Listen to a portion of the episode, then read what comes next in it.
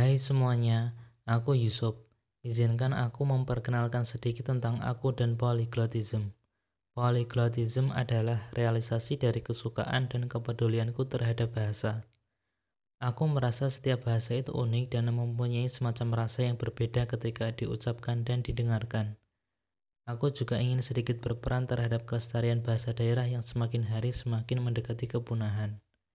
Aku harap kursus bahasa ini dapat berguna untuk kalian yang ingin mempelajari bahasa, baik bahasa daerah maupun bahasa mancanegara.